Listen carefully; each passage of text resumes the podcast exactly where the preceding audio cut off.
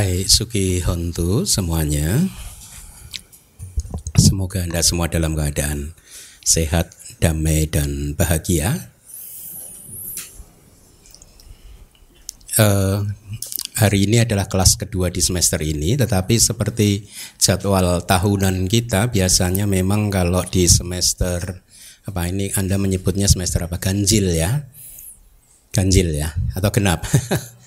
ini genap ya. Oh iya genap, mulainya pertengahan.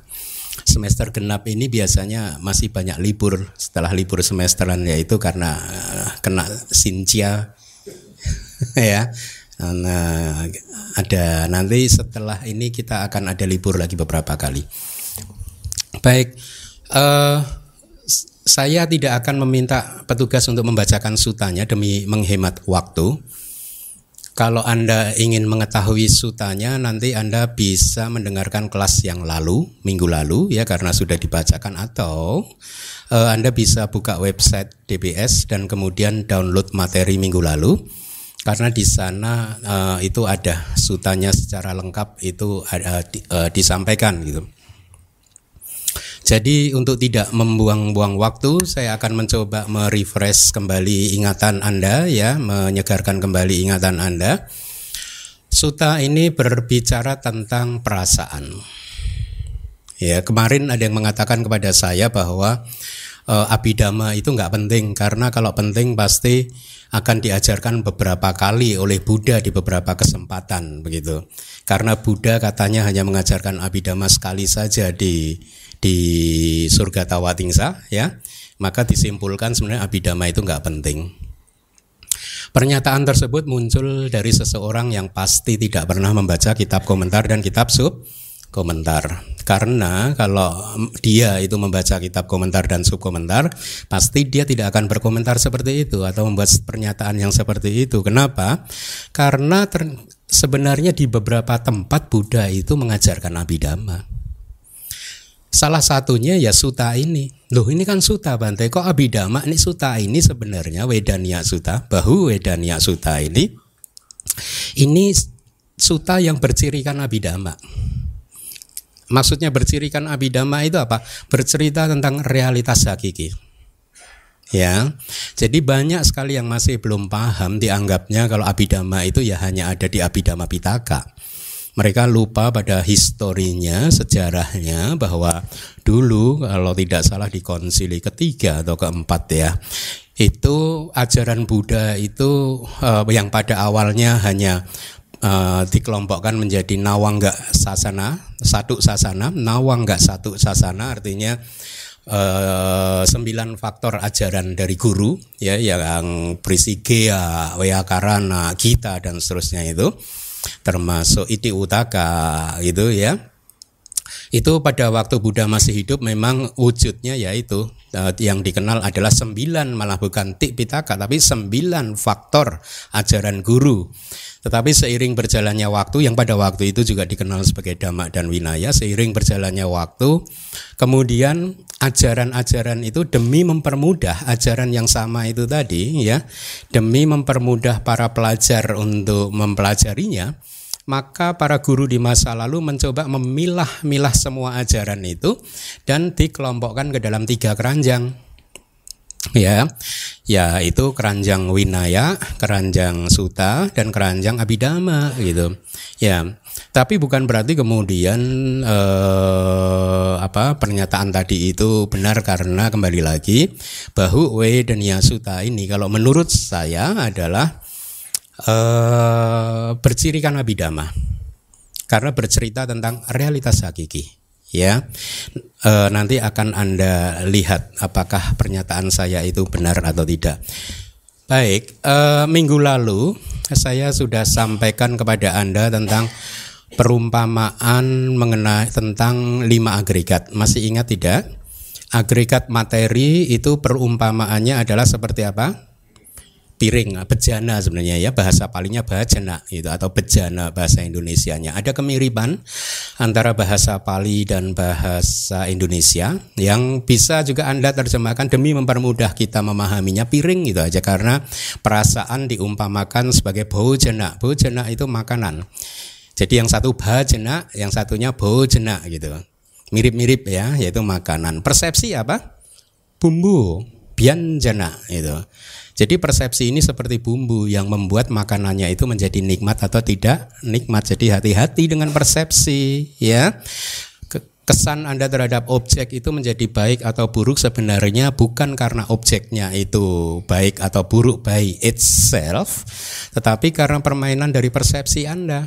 Minggu lalu ada yang bertanya, kemudian saya jawab, ya selama seseorang itu masih belum tercerahkan, dia masih mempunyai distorsi persepsi persepsi yang sesat atau kesesatan persepsi, persepsi yang terjungkir balik artinya apa? Sesuatu yang tidak kekal dianggap kekal, yang duka dianggap suka, yang anata dianggap ata. Itulah persepsi. Kita mungkin masih mempunyai persepsi yang terjungkir balik begitu. Yang masih tersesat begitu. Betul? Ya sering kan Anda menganggap bahwa ada yang kekal kan, baik itu entah diri Anda, hidup Anda atau apa pun itu juga. Ya, itu adalah ekspresi manifestasi dari persepsi yang masih terdistorsi.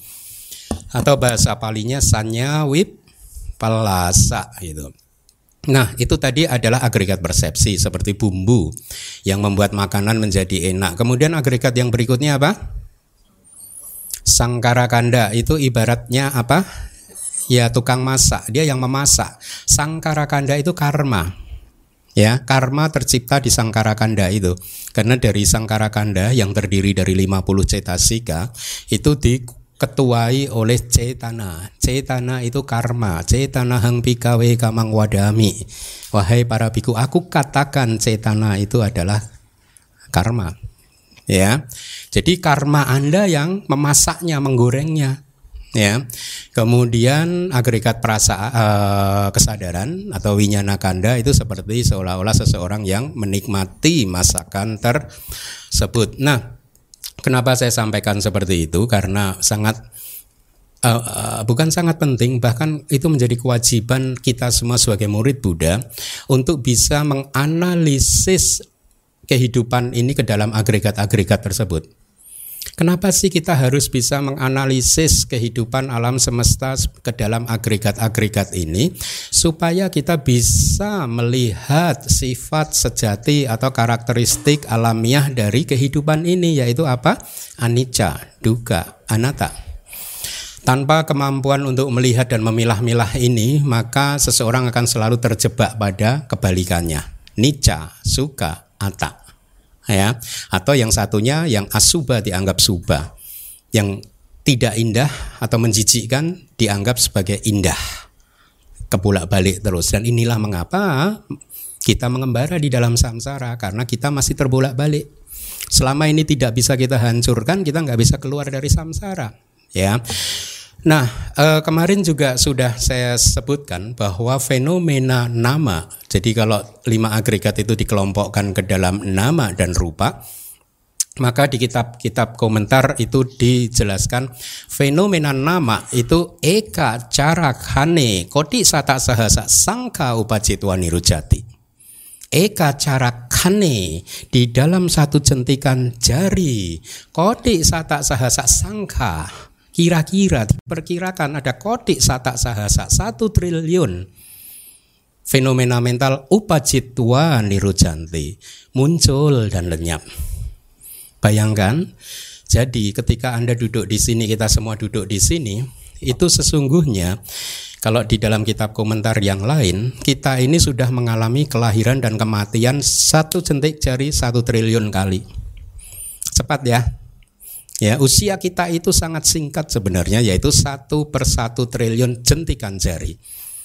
Ya, ini cara apa e, mereka yang sudah merealisasi ini makanya menjadi seseorang yang tercerahkan dan mereka sadar paham dengan e, melalui kebijaksanaan mereka yang melihat nama dan rupa di dalam meditasinya bahwa ternyata usia dari nama itu hanya sesingkat itu.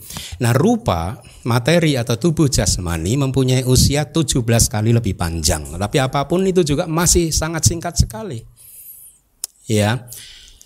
Nah, eh, di dalam Abhidhamma hal-hal seperti ini dijelaskan dengan sangat baik dan Sutta tidak berhasil menjelaskan ini dengan baik. Makanya Sutta ini termasuk juga dalam ciri Abhidhamma. karena yang dijelaskan tentang realitas hakiki.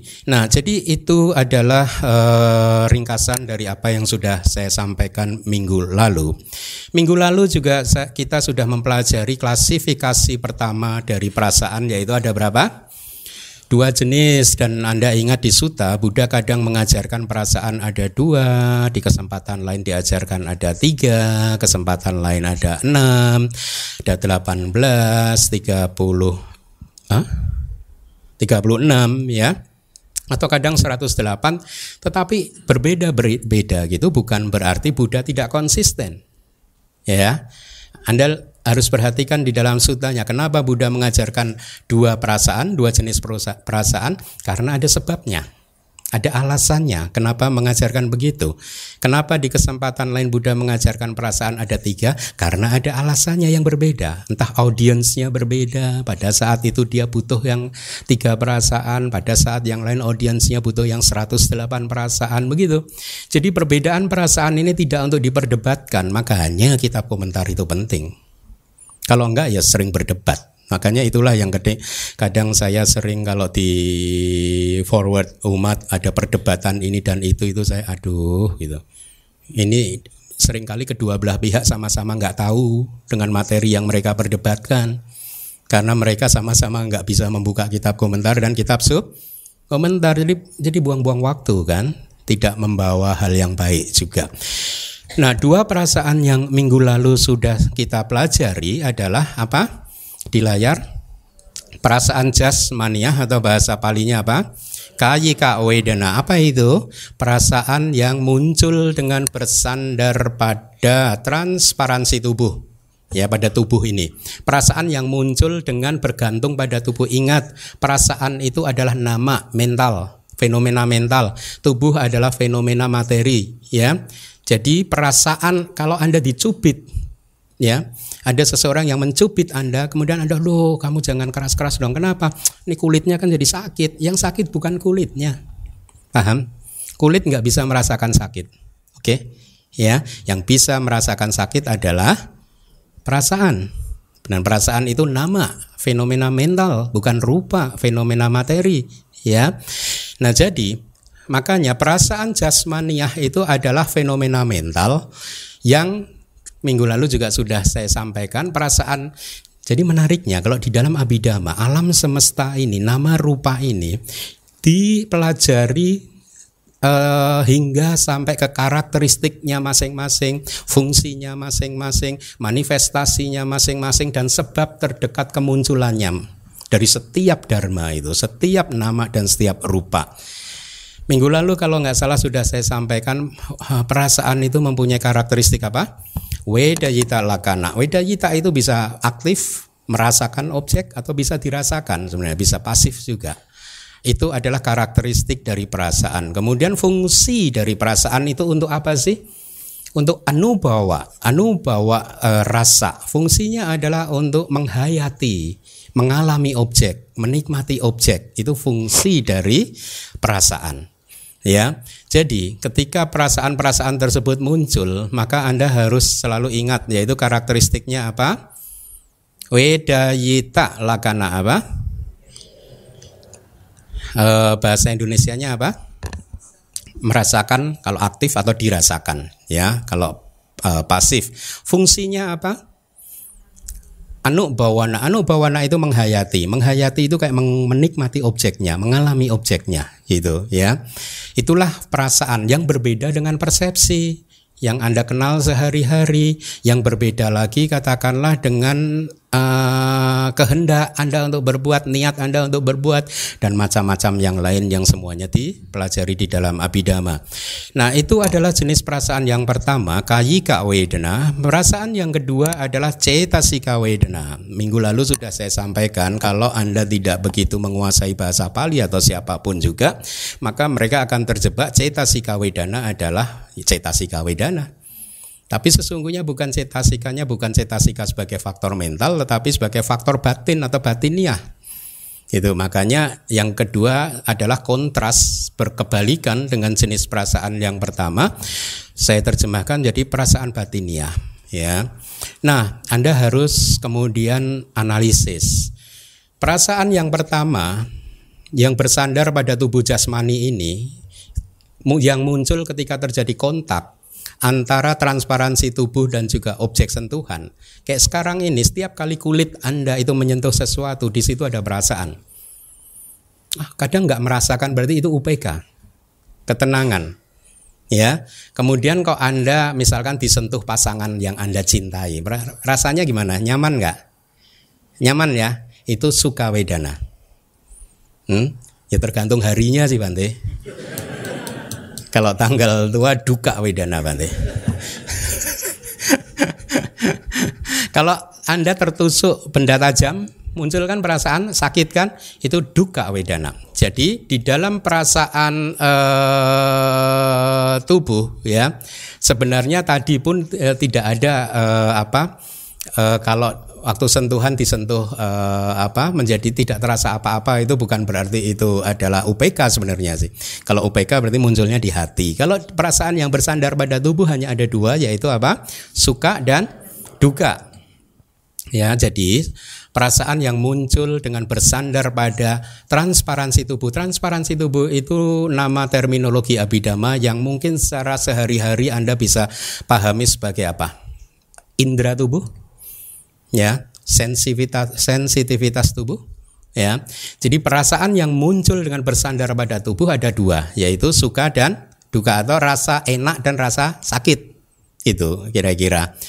E, kalau anda disen, menyentuh sutra maka itulah perasaan suka. Kalau anda menyentuh duri-durian digesek-gesek itulah duka. Itu perasaan duka Nah, berarti yang yang pertama ada dua. Kemudian perasaan batiniah itu adalah perasaan yang murni muncul melalui pintu batin atau uh, ya uh, di luar uh, pintu-pintu panca indera begitu. Itu ada tiga, yaitu sukacita, perasaan sukacita, perasaan duka cita, dan juga perasaan ketenangan tadi ketenangan tadi itu ya yang eh, sudah sempat kita bahas. Nah dengan demikian sesungguhnya walaupun perasaan itu diklasifikasikan uh, oleh Buddha di sini menjadi dua jenis perasaan ya, tetapi sesungguhnya dua jenis perasaan itu masih bisa diurai lagi menjadi total berapa tadi? Lima jenis perasaan ya. Mari kita lihat sekarang klasifikasi perasaan yang berikutnya. Buddha juga sudah mengatakan bahwa perasaan itu ada tiga, tapi dengan sebab dan alasan yang tertentu Anda harus pahami, yaitu apa? Perasaan suka, ikuti saya, per, suka wedana, perasaan duka, duka wedana, perasaan bukan duka dan bukan pula suka, bahasa palinya ak duka mak suka wedana.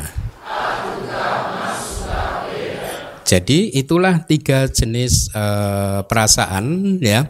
Di sini Buddha ketika mengklasifikasikan perasaan ke dalam tiga kelas uh, perasaan yang berbeda, perasaan suka yang disebut oleh Buddha itu sesungguhnya adalah gabungan antara perasaan suka jasmaniah tadi dan juga perasaan sukacita yang batiniah. Jadi digabung, ya.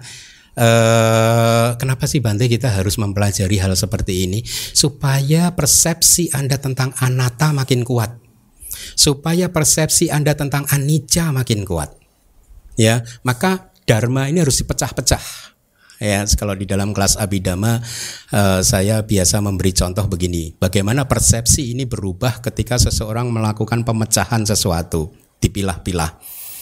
Ada seekor binatang berkaki empat berkulit putih sering diperah susunya nah, kalau bersuara mm, apa namanya? Nah, seandainya sapi tersebut dipotong-potong oleh pejagal yang bukan Buddhis, karena Buddhis nggak boleh membunuh kan? Dipotong-potong kecil kecil kecil kecil kecil kemudian dijajakan ke pasar. Anda semuanya nggak ada yang terbuang dikumpulkan di pasar. Kemudian Anda datang mau membeli potongan itu satu kilo Anda membeli ngomongnya bagaimana? Pak Bu saya mau membeli sapinya satu kilo boleh nggak? Begitu. Gimana? Kenapa berubah? Kan itu tadinya Anda sebut sapi. Kenapa? Kenapa nggak Anda nggak bilang Pak saya beli sapinya satu kilo? Kenapa? Kok berubah daging? Karena Anda udah berhasil memotong-motongnya.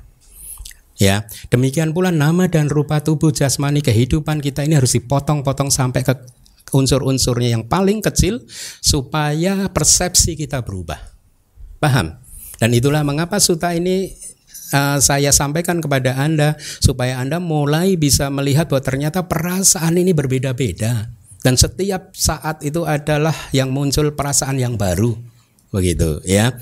Nah, jadi itu tadi perasaan suka. Kemudian yang kedua Anda lihat di layar perasaan duka atau duka wedana itu sesungguhnya adalah gabungan juga dari dua jenis perasaan yaitu perasaan duka yang jasmaniah dan perasaan duka cita yang batin niah itu ya.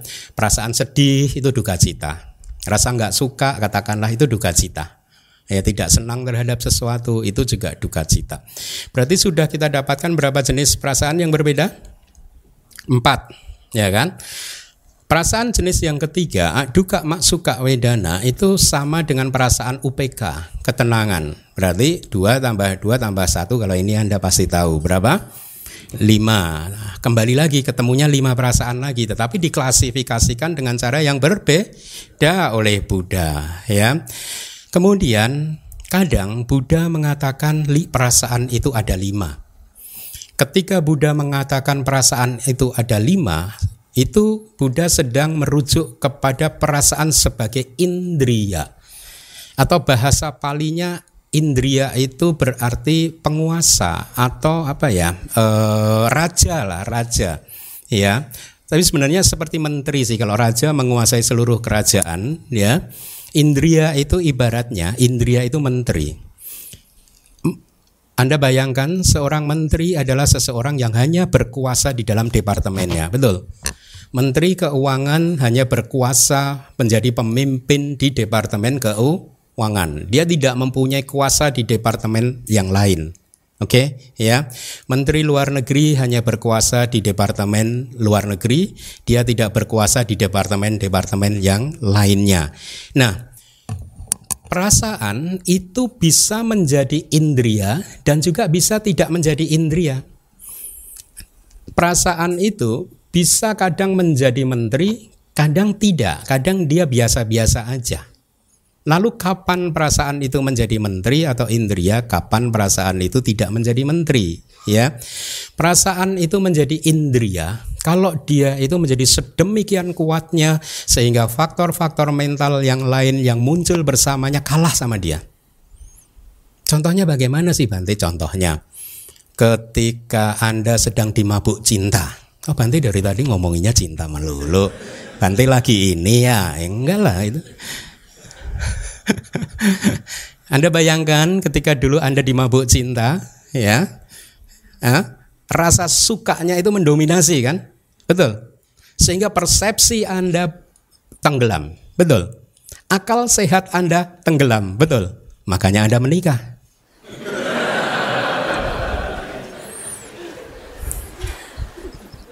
Oh ternyata sampai ke situ. Makanya Bante Betul tidak sih? Ya, semua faktor mental tenggelam kalah sama perasaan. Betul. Pada saat itu perasaan menjadi indria. Ya, itu kalau rasa suka, rasa sukacita. Kalau rasa duka bagaimana? Ya ketika seseorang kesakitan dan kesakitannya itu sedemikian kuatnya sehingga apa pun kalah. Pikiran sehatnya kalah, kebijaksanaannya kalah, persepsinya kalah, dia menjerit-jerit, meraung-raung sakit, sakit, sakit, sakit begitu dia perasaan duka cita atau rasa sakitnya itu jadi indria. Lalu kapan perasaan ini tidak jadi indria? Ketika persepsi yang lain bisa, masih bisa melakukan fungsinya dengan baik, yang lainnya tidak akal sehatnya tidak tenggelam. Halo.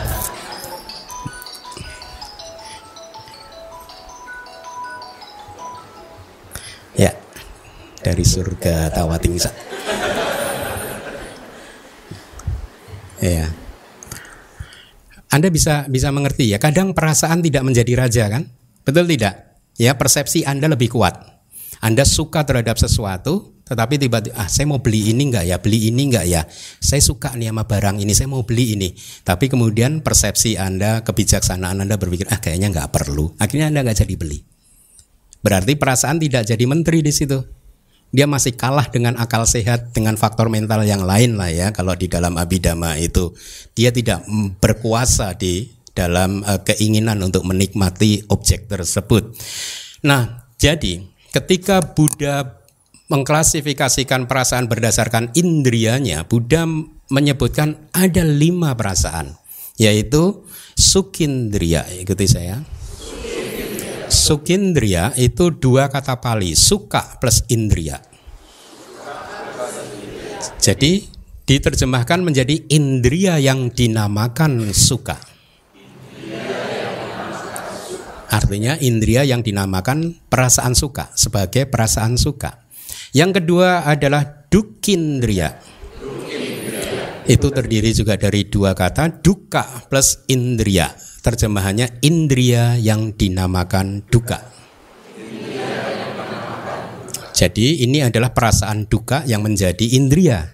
Begitu ya, atau tadi perasaan suka yang menjadi indria. Kemudian yang ketiga adalah somanasindria. Terdiri dari dua kata somanasa plus indria. Yaitu indria yang dinamakan sukacita. Lu bedanya yang suka sama sukacita apa Bante? Suka tadi adalah e, kayika wedana, yaitu perasaan jasmaniah. Oke, okay? sementara somanasa ini perasaan suka tapi yang batiniah. Beda, ya. Perasaan yang keempat adalah domanasindria. domanasindria. Indria yang dinamakan duka cita. Ini adalah perasaan jengkel, tidak suka, tidak senang ketika Anda melihat objek yang Anda tidak sukai atau objek yang menjengkelkan, ya, yang tidak menyenangkan dan lain sebagainya. Yang Lalu bedanya apa dengan perasaan duka yang tadi Bante nomor dua? Yang duka yang nomor dua adalah kayi kawedana, yaitu perasaan e, jasmania. Sedangkan doma nasindria adalah cetasika wedana, perasaan batin niah yang murni muncul di batin. Ya. Yang kelima adalah upekindria. Terdiri juga dari dua kata yaitu upk plus indria yang diterjemahkan menjadi indria yang dinamakan ketenangan atau indria atau perasaan UPK yang menjadi indria. Jadi Anda harus bedakan di sini Buddha berbicara tentang perasaan yang menjadi indria. Karena kadang perasaan tidak jadi indria. Ya, jadi uh, tadi sudah saya jelaskan kira-kira itu seperti apa. Perasaan tubuh dia itu menjadi raja di wilayah sensitivitas tubuh ya karena dia munculnya dengan bergantung sensitivitas tubuh atau transparansi tubuh atau indera tubuh bahasa awamnya begitu ya Uh, sehingga semua cita dan cetasika itu seolah-olah menjadi bawahan dari perasaan uh, yang bersandar pada transparansi tubuh ya. Nah, uh, jadi kira-kira begitu itu penjelasan dari lima jenis perasaan ya. Minggu lalu juga sudah saya sampaikan tentang kira-kira bagaimana sih kemunculan perasaan itu. Ya, kalau uh, Anda masih ingat minggu lalu saya sampaikan cakun cak pati cak rupe cak caku winyanang upajati ya uh, cakun cak pati cak dengan oleh karena atau dengan bergantung kepada mata dan juga objek mata atau objek bentuk rupa ya caku winyanang upajati kesadaran mata muncul untuk melihat. Minggu lalu sudah saya sampaikan perumpamaan korek belum? Dulu sudah pernah saya sampaikan kan Anda pahami lagi uh, supaya persepsi Anda tentang anata itu kuat. Kesadaran Anda, kesadaran itu apa sih? Apa pun itu yang Anda anggap sebagai mental Anda itu yang melihat, yang merasakan, yang berpikir dan yang lain-lain itu anggap saja itu kesadaran ya. Jadi ada kesadaran mata, kesadaran telinga, kesadaran hidung, kesadaran lidah, kesadaran tubuh yang objeknya berbeda-beda. Dan itu sesungguhnya juga kesadaran yang berbeda-beda. Oleh karena itu kalau di Suta Buddha berkata kalau ada api yang dinyalakan dari kayu katakanlah kayu jati katakanlah maka dia disebut api kayu jati Kalau api yang munculnya dari kayu pohon pinus katakanlah ya, ini eh, kayu-kayu yang kita familiar, maka dia disebut sebagai kayu pohon pinus. Kesadaran juga begitu, kesadaran yang muncul dengan bergantung pada transparansi mata disebut kesadaran mata. Kesadaran mendengar yang mendengar suara yang bergantung pada transparansi telinga disebut kesadaran telinga. Demikian pula kesadaran yang mencium bau aroma ganda disebut sebagai kesadaran hidung. Kesadaran yang merasakan makanan yang menempel di lidah Anda disebut kesadaran lidah. Kesadaran yang muncul dengan bergantung pada transparansi tubuh disebut kesadaran tubuh. Masih ada kesadaran yang lain, yaitu kesadaran yang sama sekali bertidak bergantung pada lima panca indera itu tadi, yaitu kesadaran yang benar-benar bergantung atau muncul di pintu batin yaitu apa? Kesadaran di luar ini tadi. Ya kira-kira seperti itu. Dan ini sebenarnya sangat abidama sekali tapi secara ringkas itu seperti itu untuk mempermudah Anda membayangkan. Dan setiap kesadaran itu adalah fenomena yang berbeda. Dan usianya hanyalah satu per satu triliun jentikan jari. Semua fenomena baik nama maupun rupa ketika dia muncul secepat kilat dia lenyap dan ketika dia lenyap dia tidak pernah muncul kembali. Hilang Makanya kita setiap detik itu manusia yang baru sama sekali baru. Ya, tidak pernah terulang. Bayangkan saja e, perumpamaannya begini. Di satu kitab komentar yang sering dianggap ini berasal dari Yunani, padahal itu di kitab komentar. Saya tidak tahu Yunani dan kitab komentar lebih lama mana, lebih lama siapa gitu. Ya, tapi di kitab komentar juga ada begitu. Ketika Anda menginjak sungai yang mengalir airnya, anda menginjak sungai, menginjak airnya itu, ya, maka setiap detik air yang Anda injak itu air yang baru. Paham? Karena airnya mengalir terus. Ya toh, setiap detik yang Anda injak adalah air yang baru. Setiap detik kita ini adalah manusia yang baru. Never remain the same for any two consecutive moment. Tidak pernah sama untuk dua waktu yang berurutan. Itu kitab komentar. Jadi setiap momen itu adalah nama dan rupa yang baru, ya. Nah, jadi eh, tadi saya sampaikan dengan bergantung pada indera dan objeknya maka kesadaran tertentu muncul entah kesadaran mata, telinga dan lain-lain muncul. Tinang sanggati paso dari paragrafnya itu lanjutannya begitu. Gabungan dari tiga dhamma itu tadi yaitu indera, objek dan kesadaran itu disebut kontak. Pasak pacaya wedana jasa mubada. Oleh karena ada kontak maka perasaan muncul yang kita pelajari ini. Jadi perasaan muncul ketika terjadi kontak.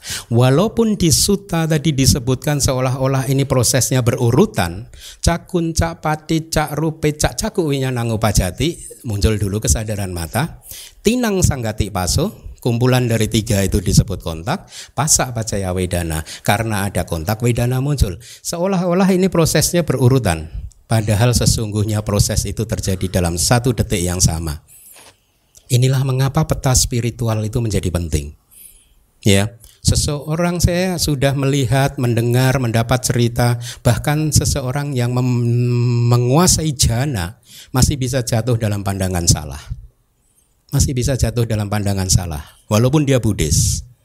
Walaupun dia berlatih uh, di bawah bimbingan tradisi Buddhis, tapi karena peta spiritualnya tidak dikuasai, yang bersangkutan jatuh dalam pandangan salah. Pandangan salah yang seperti apa? Pandangan salah yang mengatakan ada sesuatu. Memang benar Buddha mengatakan bahwa sabe sangkara anicca semua bentukan itu adalah tidak kekal, tetapi cita itu kekal. Ada yang mengatakan seperti itu dan itu guru Abhidhamma yang cukup terkenal ya. Uh, sorry guru meditasi yang cukup terkenal. Ya hal ini terjadi karena peta spiritual di dalam perjalanan latihannya tidak dikuasai dengan baik. Nah jadi kira-kira kemunculan perasaan itu seperti itu ya.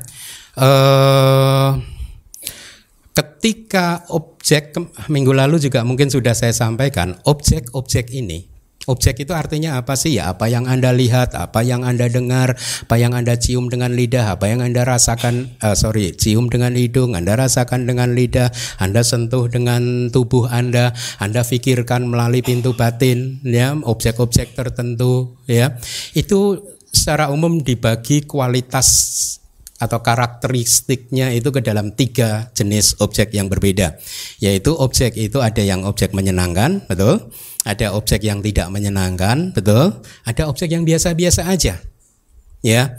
Nah, minggu lalu juga sudah saya sampaikan, bagi seseorang yang masih mempunyai sanya wipalasa, persepsinya masih terdistorsi ketika objeknya itu menyenangkan, perasaan sukacita muncul.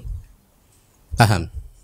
Hati-hati, perasaan sukacita bisa muncul dari loba.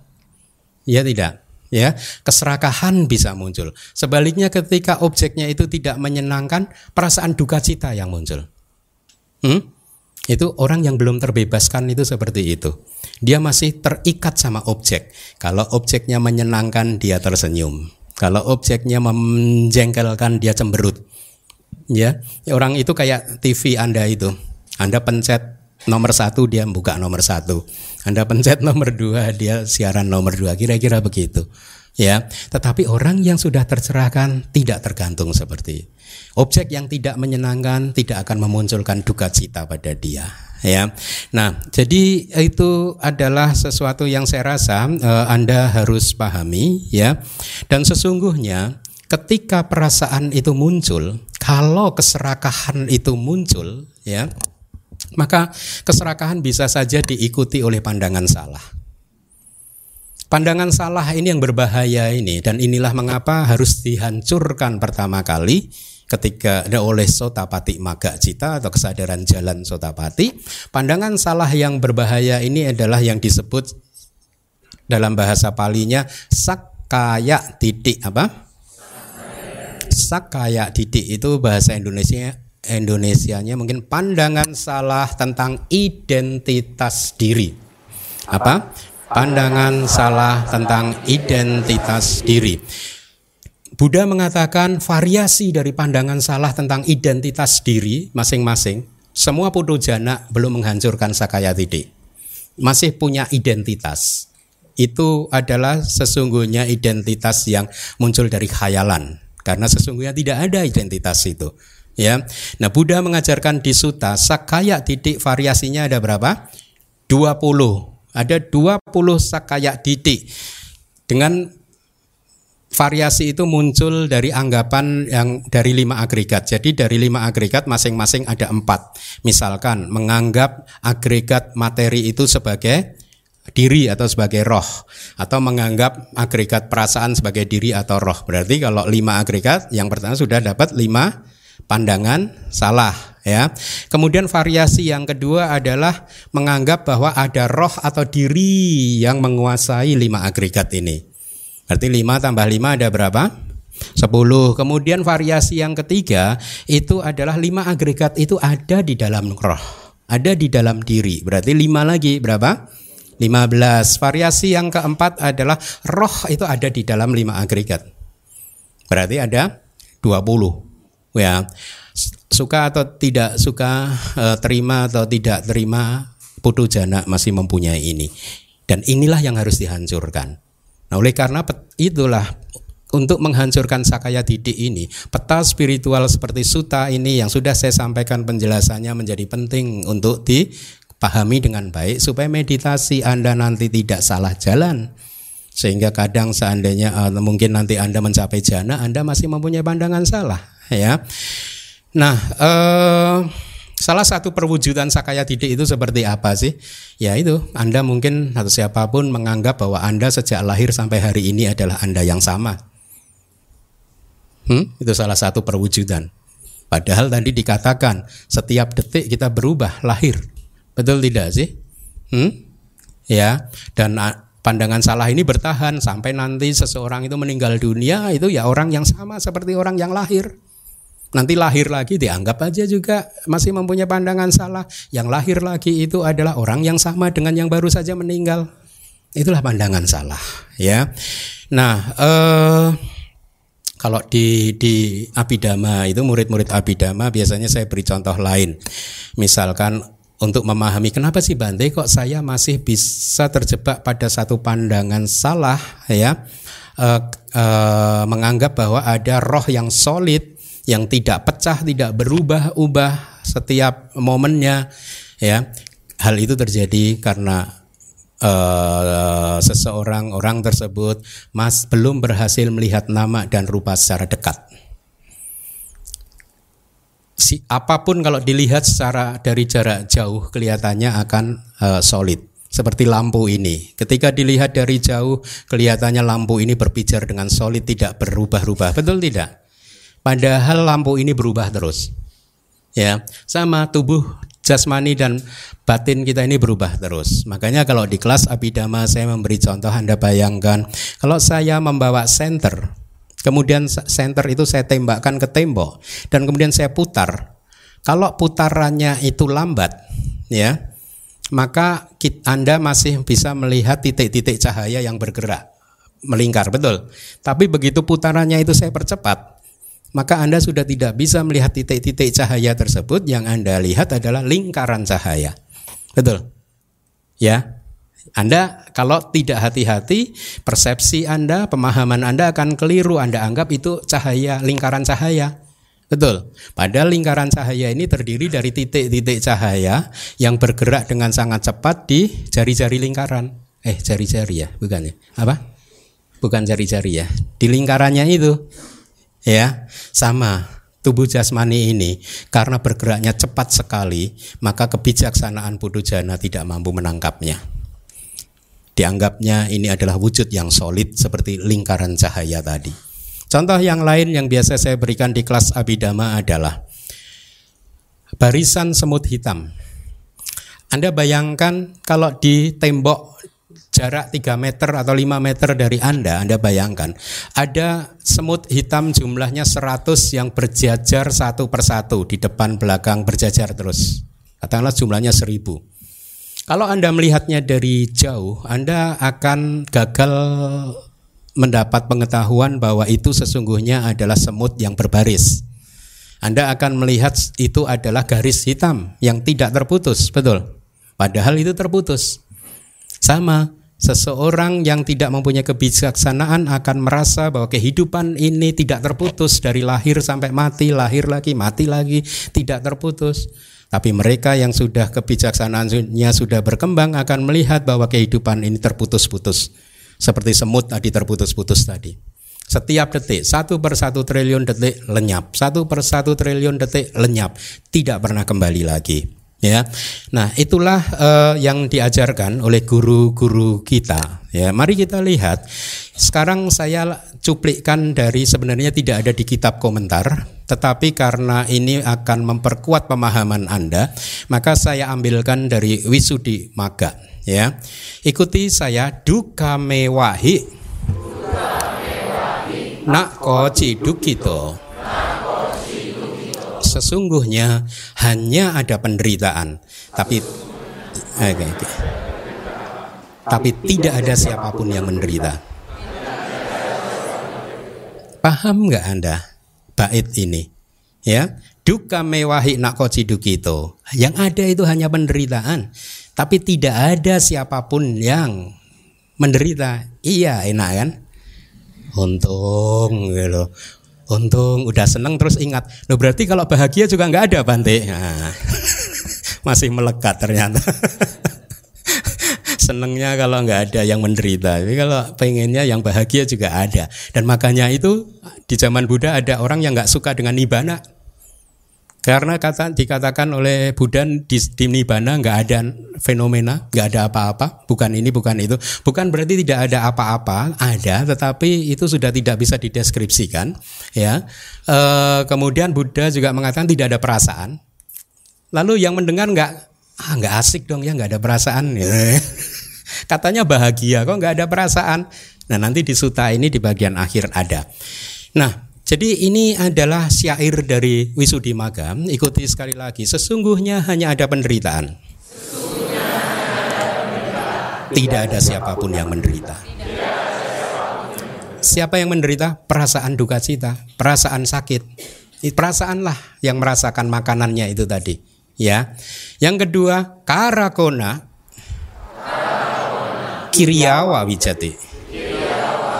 Tidak ada pelaku, yang ada hanya perbuatan.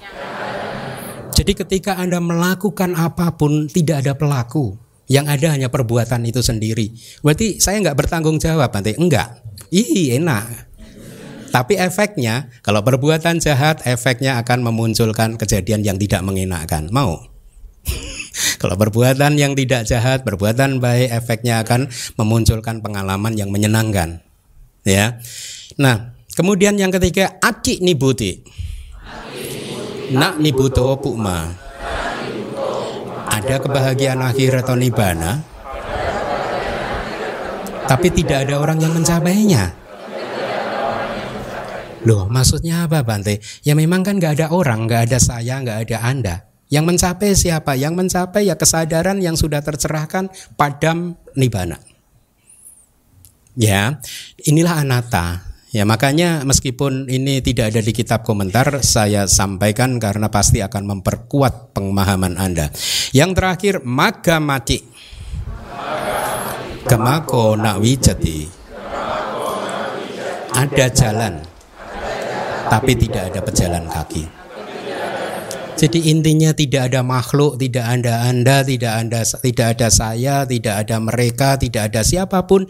Yang ada hanyalah proses nama dan rupa yang muncul dan lenyap, batin dan jasmani yang muncul dan lenyap, perasaan yang muncul dan lenyap dan itu bukanlah sesuatu yang harus diidentifikasi sebagai saya, milik saya, diri saya. Itu hanyalah fenomena alamiah saja. Seperti kotak korek api ketika bergesekan dengan batang korek api, fenomena alamiah apinya muncul. Ya. Nah, inilah yang harus dialami ditembus oleh seorang yogi di dalam meditasinya. Mereka yang melih, bisa melihat ini eh, maka secara semakin sering dia bisa melihat itu, semakin menipis kilesa-kilesa dia.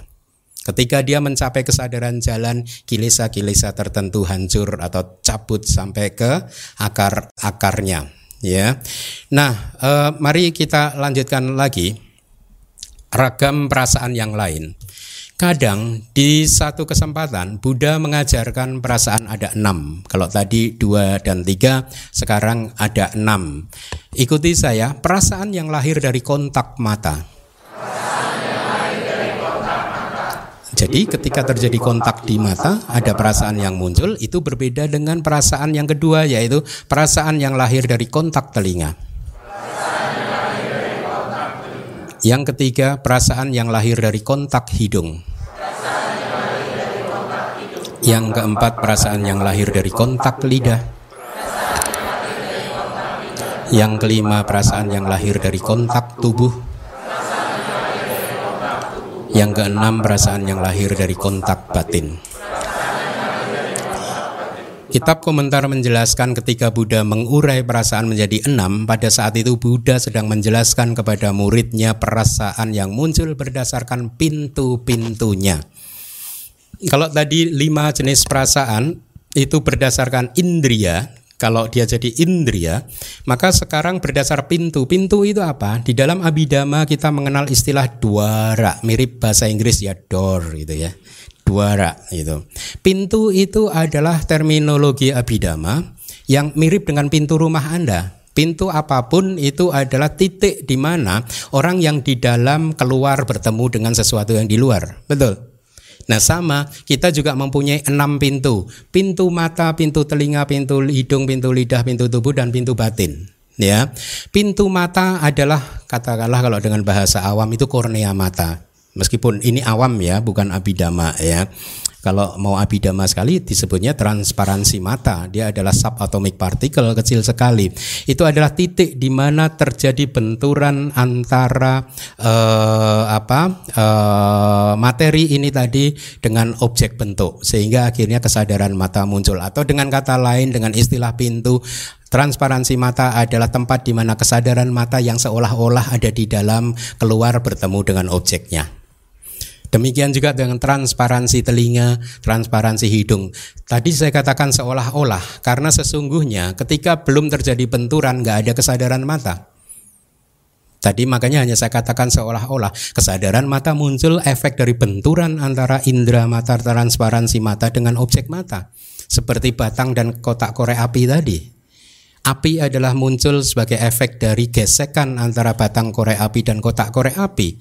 Ketika indera mata berbenturan dengan objek mata, gesekan itu terjadi apinya berupa kesadaran mata muncul. Ketika transparansi telinga bergesekan dengan suara, kesadaran telinga muncul. Ketika tidak terjadi benturan, tidak ada kesadaran yang muncul. Lalu di mana kesadaran itu disimpan? Hah? Di mana? Enggak ada di mana-mana. Itu persis seperti contoh yang akan diterbitkan oleh buku yang akan diterbitkan oleh Bu Vero. Saya harap nanti saya kemarin sampaikan ke Bu Vero, Bu kalau ini terbit, buku ini menjadi buku wajib buat umat Buddha. Nanti kalau sudah terbit, Anda wajib membaca. Saya akan uji Anda. Bukunya apa? Bukunya adalah Pertanyaan Raja-Raja Milinda. Itu buku yang bagus sekali. Nanti akan diterbitkan oleh tim propagasi ya Anda harus membacanya itu. Di situ ada satu perumpamaan mangga disimpan di mana? Ketika pohon mangganya belum berbuah, mangganya di mana? Hah? Nggak ada. Di akar enggak, di batang enggak, di mana-mana enggak. Loh, tapi kan nanti ada mangga. Iya, nanti ada mangga. Lalu sebelum muncul mangganya ada di mana enggak di mana-mana. Nah, kok bisa ada tiba-tiba ada mangga? Kalau kondisinya siap, mangganya muncul. Sama kesadaran mata kalau kondisinya siap kesadaran mata muncul. Anda berpikir sesuatu ya karena ada kondisinya. Ketika kondisinya berkumpul bertemu semuanya, maka Anda bisa melakukan aktivitas mental apa pun itu juga ya. Nah, inilah anatta itu dan inilah mengapa suta ini sesungguhnya bercirikan abidama. Ya. E, jadi salah kalau dikatakan bahwa Buddha kalau dianggap penting maka kenapa abidama hanya diajarkan sekali saja enggak? Ini abidama dan banyak di Sang Yuta Nikaya itu suta-suta yang bercirikan abidama banyak sekali. Ya, jadi enggak sekali saja. Ya. Nah, oke, okay, kita lanjutkan sedikit lagi. Jadi sekarang ada enam jenis perasaan yang muncul berdasarkan kontaknya masing-masing di pintu-pintu indriawi gitu ya. Nah eh, kemudian yang ke yang berikutnya ragam perasaan ada 18 ya. Sebenarnya 18 ini mudah ya. Eh, enam perasaan yang sebelumnya tadi yang muncul dari kontak mata, kontak telinga dan lain-lain tadi di dalam setiap kontak ada tiga jenis perasaan yang berbeda, yaitu suka, duka, aduka, masuka gitu. Kalau di sini disebutkan somanasa, kemudian mungkin apa, domanasa dan upk. Ya di dalam kitab komentarnya. Ya tapi nanti akan saya jelaskan. Jadi enam perasaan yang tadi masing-masing perasaan di kontak mata bisa muncul tiga variasi perasaan, oke? Okay? Yaitu somanasa, domanasa dan upk. Gitu katanya begitu ya, di kitab komentar. Di telinga bisa muncul tiga perasaan gitu. Ya meskipun kalau yang pelajar abidama dia bisa mengurai ini lebih dalam lagi. Tidak sesederhana hanya muncul di mata. Ya. Tapi kalau saya jelaskan ke Anda, saya kasihan. anda stres. Tapi sebenarnya abidama itu penting loh. Abidama itu penting ya abidama itu penting. Penting dalam konteks seperti apa? Abidama adalah jalan paling pendek paling singkat untuk memahami ajaran Buddha. Kedua abidama adalah peta untuk mencapai jana maga pala nibana lo suta enggak? Suta kalah. Uh, maaf saya harus mengatakan demikian. Ya, saya rasa saya mempunyai alasan kalau saya mengatakan. Oleh karena itu, sesungguhnya suta dan abidama itu bukan untuk didikotomikan untuk dipisahkan, untuk dibentur-benturkan tidak. Suta dan abidama ini adalah satu kesatuan yang harus dipelajari bersama-sama. Nah problemnya kan ada orang yang nggak sanggup menguasai abidama lalu mengatakan abidama bukan ajaran Buddha. Untung yang pelajar abidama nggak pernah mengatakan suta bukan ajaran agama Buddha. Kalau berabe kan. Kita berterima kasih pada murid-murid abidama, para ahli-ahli abidama yang tidak pernah mengklaim dan mengatakan memfonis suta bukan ajaran abidama. Kok kamu bisa ya habis kamu ngatain abidama bukan ngapa balaslah ya enggak. enggak begitu ya. Jadi ini saling melengkapi, saling melengkapi, bukan untuk dihilangkan. Suta saja tanpa abidama bukan, saling melengkapi begitu ya. Nah, kembali lagi sedikit lagi. Jadi ada 18 perasaan yang dibedakan seperti itu. Lihat di layar Setelah melihat objek bentuk yang menjadi sebab untuk kemunculan perasaan sukacita melalui mata, dia mendekat dan menyelidiki objek bentuk. Ini suta. Ini suta. Kalau mereka yang paham abidama, dia akan bisa mengurai. Ah, enggak, munculnya enggak di pintu mata itu, maksudnya bukan dari dari kesadaran mata. Kalau perasaan sukacita muncul, itu munculnya di jawana. Memang jawananya muncul di pintu mata.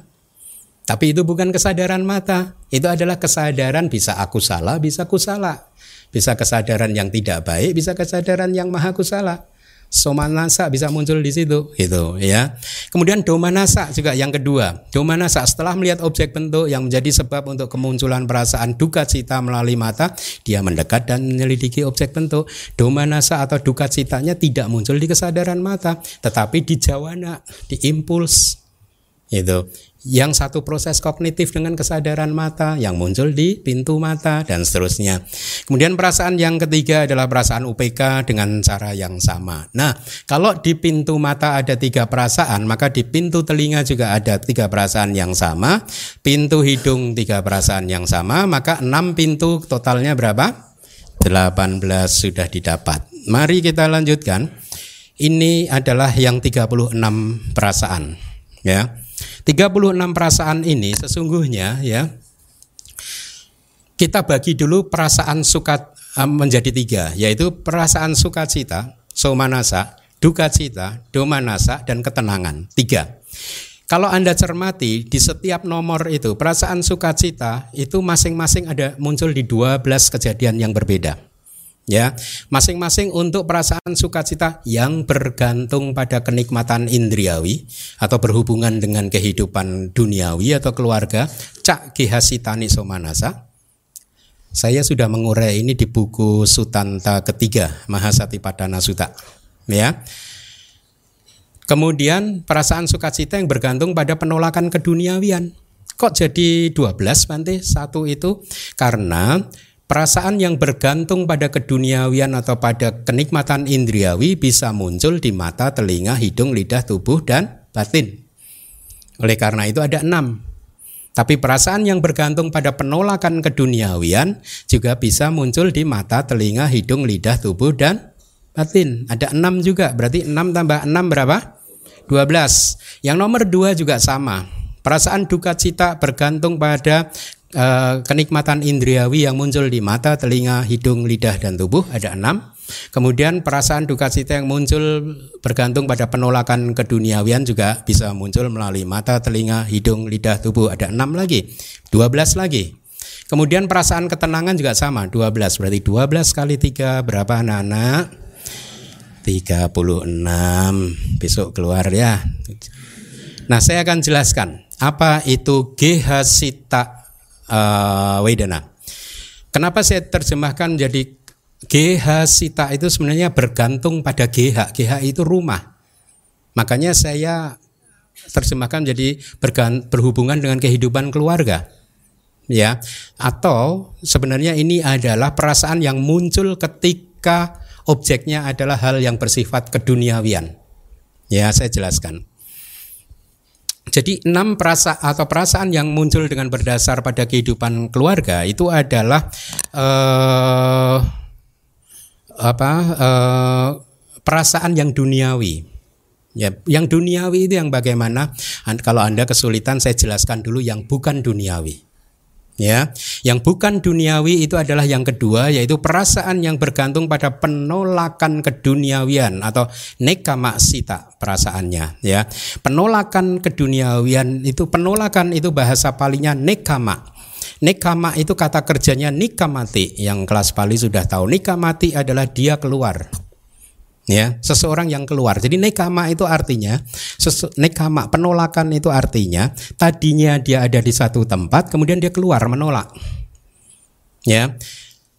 Saya dulu ada di tempat anda makhluk yang terjebak. Maaf ya. Anda juga balas nanti. Saya juga dulu pernah Pak Baja jadi kayak Bante terus saya tolak keluar sama-sama kan? nah saya dulu pernah jadi makhluk duniawi, ya kemudian saya tolak, saya keluar dari kotak makhluk duniawi, sekarang jadi sangga. Kira-kira gitu. Nekama itu begitu, penolakan, keluar. Sebenarnya penolakan itu saya rasa kok kurang tepat karena ini artinya itu kayak keluar dari sesuatu gitu. Nah, perasaan yang bergantung pada penolakan keduniawian itu uh, ada lima ya ada lima. Satu perasaan yang muncul berkaitan dengan seseorang yang sudah pabaja. Pabaja itu meninggalkan keduniawian. Ya kenapa pabaja itu disebut sebagai penolakan? Karena pabaja ketika anda retret kemarin pabaja sementara anda menolak keduniawian. Anda keluar dari kehidupan rumah tangga. Betul nikah mati keluar keluar dari kehidupan rumah tangga ya. Oleh karena itu, perasaan sukacita yang dialami oleh seorang biku yang merenungkan saya bersyukur bahwa selama menjadi biku sejak awal saya sudah berjuang semaksimal mungkin untuk e, melaksanakan tugas dan kewajiban saya yang diperintahkan oleh Buddha. Kemudian perasaan somanasa sukacita senang muncul. Itulah perasaan dari yang muncul dengan bergantung pada penolakan keduniawian. Lalu perasaan duka cita muncul gimana? Ketika seorang biku merenung, kemudian duka cita muncul karena dia tahu dia sudah sering melanggar sila. Ya, nah itu duka cita. Lalu yang UPK gimana? Ketika seorang biku merenung, ya misalkan katakanlah uh, teman bikunya meninggal dunia, kemudian dia mengembangkan ketenangan, sapi sata, kama saka, kama dayada, kama yoni, kama bandu, kama sarana dan seterusnya. UPK muncul ya. Nah, lalu kalau yang duniawi bagaimana? Anda mengingat aduh kemarin cuan gede Somanasa muncul. Atau Anda kemarin rugi Domanasa muncul, ya toh? Bisnisnya rugi atau Anda mungkin diomelin pasangan Anda kemudian Anda mencoba untuk tetap tenang. Nah, itulah bedanya ya. Jadi itu yang pertama tentang penolakan pabaja. Yang kedua, nekama ada lima. Yang kedua adalah jana yang pertama. Ketika Anda mencapai jana yang pertama, maka Anda keluar dari kama wacara. Anda keluar dari kesadaran lingkup indriawi. Maka disebut nekama karena dia keluar gitu ya. Lalu somanasanya bagaimana Bante ketika berkaitan dengan jana pertama? Ketika Anda berada di dalam jana yang pertama, somanasa cita muncul ya toh. Ketika Anda setelah keluar dari jana ya, kemudian mengingat-ingat mau masuk jana lagi nggak bisa, domanasa muncul. Aduh, kemarin bisa kok sekarang nggak bisa loh. Kemarin sudah ha hampir nah, gitu ya atau UPK muncul juga sama dengan dengan uh, logika yang sama. Nekama yang ketiga adalah nibana. Nibana dikatakan nekama karena nibana membuat seseorang keluar dari samsara ya keluar. Kalau tadi jana pertama keluar dari kesadaran lingkup indriawi gitu. Jadi eh, yang keempat adalah pengetahuan-pengetahuan wipasana. Ketika Anda sudah berhasil mengembangkan konsentrasi dan kemudian diajarkan oleh guru untuk berwipasana, maka pada saat anda berwipasana, ketika pengetahuan-pengetahuan wipasana Anda satu persatu muncul, maka wipasana ini dikatakan sebagai penolakan karena seseorang keluar dari kilesa untuk sementara waktu. Ya, yang terakhir adalah sabak kusala dhamma. Semua dhamma-dhamma yang baik disebut nekama karena dengan semua dhamma-dhamma yang baik seseorang keluar dari semua dhamma yang tidak baik. Semua dhamma yang baik itu seperti apa sih? Anda berdana, keluar dari aku salah cita. Anda mendengarkan dhamma saat ini adalah dhamma yang baik, Anda keluar dari aku salah cita atau pikiran-pikiran yang tidak baik ya. Nah, jadi itulah bedanya perasaan yang bergantung pada penolakan keduniawian, ada juga perasaan yang bergantung pada kenikmatan indriawi yaitu yang dialami biasanya ketika seseorang masih terjebak kepada hal-hal yang duniawi atau sesuai dengan namanya gehasita, bergantung pada rumah gitu. Ya. Kemudian kita lanjutkan. Yang terakhir adalah 108.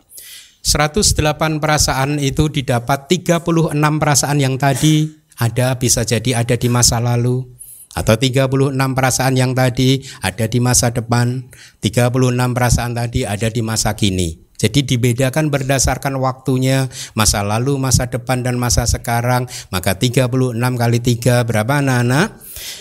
Ya, jadi Anda sekarang sudah tahu 108 perasaan kita lanjutkan sedikit lagi. Bahkan tidak hanya perasaan yang dimulai dengan dua dinyatakan oleh pegawan. Ini kitab komentar. Satu perasaan pun juga dijelaskan dengan menggunakan bahasa kiasan. Sekali lagi, kalau seseorang hanya berhenti di kitab komentar, tidak membuka kitab sub komentarnya, ketika mendapatkan ini juga bingung. Ya, satu perasaan itu apa? Di kitab sub komentar dijelaskan katam pana eka wedana yutati gitu. Yang kinci wedayitang sukang wa dukang wa aduka masukang wa ida meta duka seminti uh, wadamiti. Akan tetapi katam pana bagaimanakah eka wedana wutati? Satu perasaan dijelaskan yang kinci wedayitang perasaan apa pun yang dirasakan sukangwa suka dukangwa atau duka, aduka masukangwa atau aduka masuka, idameta ini di sini wadamiti aku katakan duka semingti ada di dalam duka. Ya, jadi Buddha mengatakan nih, ini adanya di kitab subkomentar. Tapi kata-kata Buddha.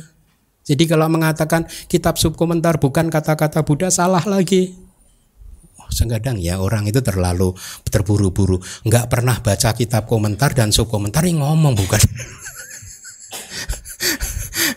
Capek deh gitu.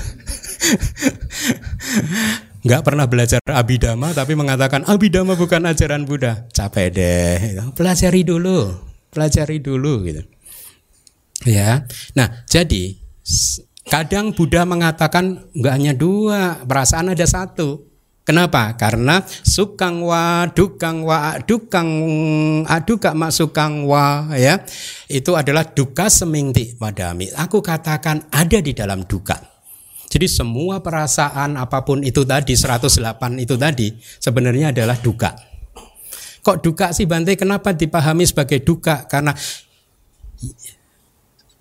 uh, di Anatalakana Sutta ada begini kan anda ingat nggak? Saya pernah sudah babarkan uh, Anatalakana Sutta itu. Di dalam Anatalakana Sutta itu ada kalimat begini, Yatpan anicang dukang watang sukang wati. Buddha bertanya kepada uh, murid-muridnya, Yatpan anicang dukang watang sukang wati. Selanjutnya, perasaan yang anicca, apa pun yang anicca, itu suka atau duka. Terus Para Bante menjawab, dukang Bante. Kemudian Buddha mengatakan lagi, Yatpan Anicang bertanya, Yatpan Anicang, dukang wibari nama damang, kalang nutang sama nupasitung, etang mama, eso hamasemi, eso me atati. Bikunya menjawab, no hetang Bante. Apa itu tadi? Paham? Makanya ikut kelas Pali nanti jam 2 ya.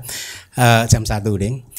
Yat pan anicang ini pertanyaannya Buddha apa pun yang anicca dan duka yang anicca duka wipari nama damang dama yang uh, senantiasa berubah tidak stabil ya Yat panani jang dukang wibari nama damang kalang nutang sama nupasitung. Apakah itu pantas untuk dianggap etang mama ini milikku, eso hamasmi ini aku, eso me ata ini diriku. Pantas nggak?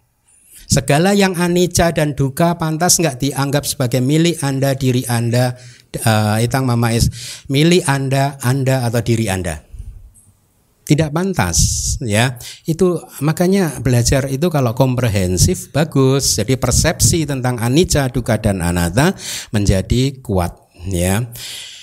Jadi perasaan kadang ada satu. Dan selanjutnya di dalam jana sejak dari jana yang keempat ada perasaan bukan duka dan bukan pula suka ini metode sutanta empat jana ya. Perasaan itu juga dijelaskan sebagai perasaan suka jadi perasaan UPK kadang dianggap sebagai perasaan suka dalam arti ketenangan dan dalam arti keagungan. Ya, jadi perasaan dalam jana yang keempat itu dianggap sebagai suka dalam artian sebagai ketenangan sangat tenang dan dalam arti keagungan. Selanjutnya pencapaian penghentian atau niroda samapati juga disebut kebahagiaan ya. Nah ini apa sih niroda sama pati itu? Niroda sama pati adalah pencapaian meditatif yang hanya bisa dicapai oleh anagami dan arahat yang menguasai semua jana. Ketika mereka berada dalam pencapaian ini, maka nama dan rupa suspended akan berhenti untuk sementara waktu. Ya, sehingga tidak ada perasaan yang muncul. Ya, tetapi walaupun demikian, kitab komentar mengatakan pencapaian penghentian adalah kebahagiaan karena tiadanya perasaan ya. Oleh karena itu dinamakan sebagai perasaan suka. Jadi jus karena tidak ada perasaan maka itu dianggap perasaan bahagia ya. E, bukan bukan teman anda yang tanpa perasaan itu. Ya. Nah e, di kitab komentar menjelaskan ini bagus sekali kitab komentar ini. Ketika dalam pencapaian penghentian dia dikatakan sebagai seseorang yang bebas dari penderitaan untuk sementara waktu, bisa maksimal selama tujuh hari, dengan catatan sebelumnya dia makan secara normal. Jadi kalau Anda nanti jadi anagami atau arahat dan menguasai semua jana, kemudian menguasai pencapaian penghentian di mana batin dan jasmani Anda itu bisa berhenti berproses sama sekali tidak muncul, ya itu bisa bertahan selama tujuh hari. Tapi dengan catatan sebelumnya Anda makannya normal. Kalau sebelumnya udah nggak normal, ya, kitab sub komentarnya berbicara seperti itu. Perasaan suka yang telah muncul berdasarkan lima bagian kenikmatan indriawi, lima bagian kenikmatan indriawi itu objek panca indera dan berdasarkan delapan pencapaian meditatif atau jana dinamakan sebagai kebahagiaan yang dirasakan. Kalau niroda tadi kebahagiaan yang karena tidak adanya perasaan. Ya, beda. Niroda kebahagiaan karena ada tidak ada perasaan. Jana delapan jana disebut sebagai kebahagiaan karena ada perasaan. Juga kebahagiaan yang muncul ketika anda melihat objek-objek panca indera itu juga peras, uh, kebahagiaan karena ada perasaan gitu ya. Selanjutnya jadi baik kebahagiaan yang dirasakan yang ada perasaan maupun kebahagiaan yang tidak ada perasaan, keduanya dipastikan sebagai perasaan suka dalam arti sebagai kebahagiaan. Kenapa? Alasannya adalah karena sifatnya yang tanpa penderitaan. Di suta tadi dikatakan wahai Ananda, para pengembara yang mengikuti kepercayaan yang lain yang berkata demikian harus diberitahu demikian. Wahai teman, sungguh begawan menyatakan kebahagiaan tidak hanya merujuk pada perasaan bahagia dan bahkan wahai teman, di mana pun itu, di mana pun perasaan suka didapatkan, setiap perasaan tersebut begawan menyatakannya sebagai kebahagiaan. Apakah apa arti kata di mana pun perasaan suka didapatkan? Kitab sub uh, komentar kitab komentar menjelaskan di mana pun artinya di tempat mana pun. Perasaan suka didapatkan berarti kebahagiaan karena tiadanya perasaan atau kebahagiaan yang dirasakan didapatkan. Atau kitab sub komentarnya menjelaskan lagi di mana pun di tempat mana pun itu artinya di kelahiran mana pun di 31 alam kelahiran. Tidak di 31 karena ada yang asanya sata ya. Nah, Anda harus pahami ini semua ya. Di kelahiran mana pun artinya di bumi-bumi mana pun. Kemudian juga dijelaskan di kitab sub komentar penjelasan untuk di mana pun artinya di kemunculan cita apa pun, di kemunculan kesadaran apa pun. Untuk ini Anda harus tahu 89 cita dan 121 cita serta 52 cetasika yang ada di Abhidhamma. Kemudian setiap perasaan tersebut Begawan menyatakannya sebagai kebahagiaan berarti Begawan atau Buddha menyatakan semua perasaan tersebut hanya di dalam perasaan suka karena sifatnya yang tanpa penderitaan. Di khotbah ini setelah membuat pencapaian penghentian atau niroda samapati sebagai kepalanya, Begawan mengakhiri khotbahnya hanya dengan kearahatan sebagai puncaknya yaitu pencapaian arahat. Terima kasih, semoga kelas yang membahas uh, dua kali kelas yang membahas uh, berbagai macam perasaan ini bermanfaat buat Anda untuk semakin memperkuat persepsi Anda tentang anicca, duka, anatta dan asubha.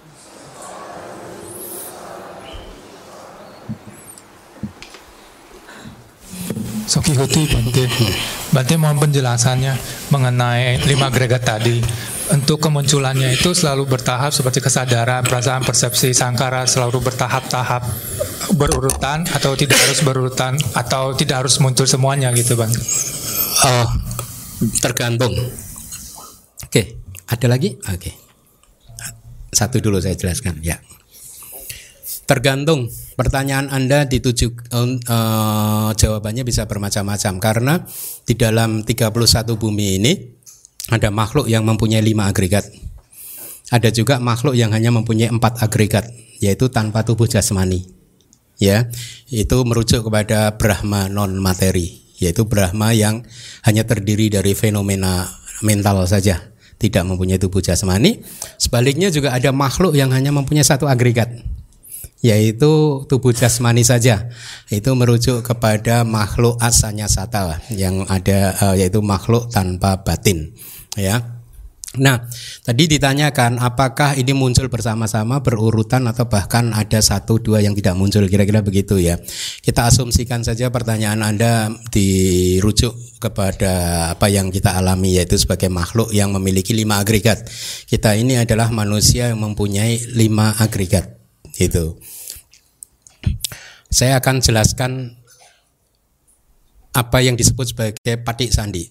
E, jadi di dalam satu kehidupan ya kita katakanlah kehidupan kita di dalam satu kehidupan apa pun ada yang disebut sebagai katakanlah bahasa awamnya awal kehidupan titik pertama kehidupan dan titik terakhir di dalam satu kehidupan titik pertamanya disebut sebagai uh, momen penyambung kelahiran kembali karena titik pertama ini adalah momen yang menyambung kehidupan kita persis sebelum saat ini dengan kehidupan kita yang saat ini jadi sebagai manusia Dulu ketika detik pertama kita ini masuk ke dalam kandungan ibu kita, ya, maka pada saat itu ada fenomena batin dan jasmani sudah, ya. Nah, batin dan jasmani ini memang tidak selengkap seperti yang sekarang. Pada saat itu akan uh, uh, pada saat pertama itu muncul patik sandicita.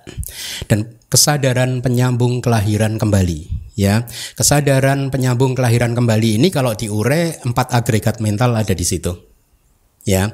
Kemudian eh, ke, pada saat itu ada tiga tiga materi awal ya. Yaitu kayak dasaka yaitu klaster yang menjadi embrio terwujudnya tubuh jasmani kita ini ya kemudian waduk dasaka yaitu uh, materi yang menjadi embrio katakanlah terbentuknya landasan jantung kita ini Kemudian yang berikutnya adalah bawa dasaka yaitu materi materi yang menjadi katakanlah embrio untuk jenis kelamin kita.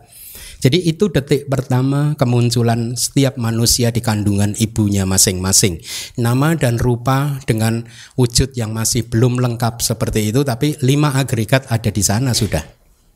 Nah seiring berjalannya waktu akan terus itu berkembang terus lima agregat itu tergantung kadang terjadi proses melihat, mendengar dan seterusnya akan memproduksi materi-materi tertentu. Jadi setiap saat ada lima agregat dan itu bisa terjadi bersamaan bisa terjadi bersamaan. Gitu, ya. Oke. Okay. Ya.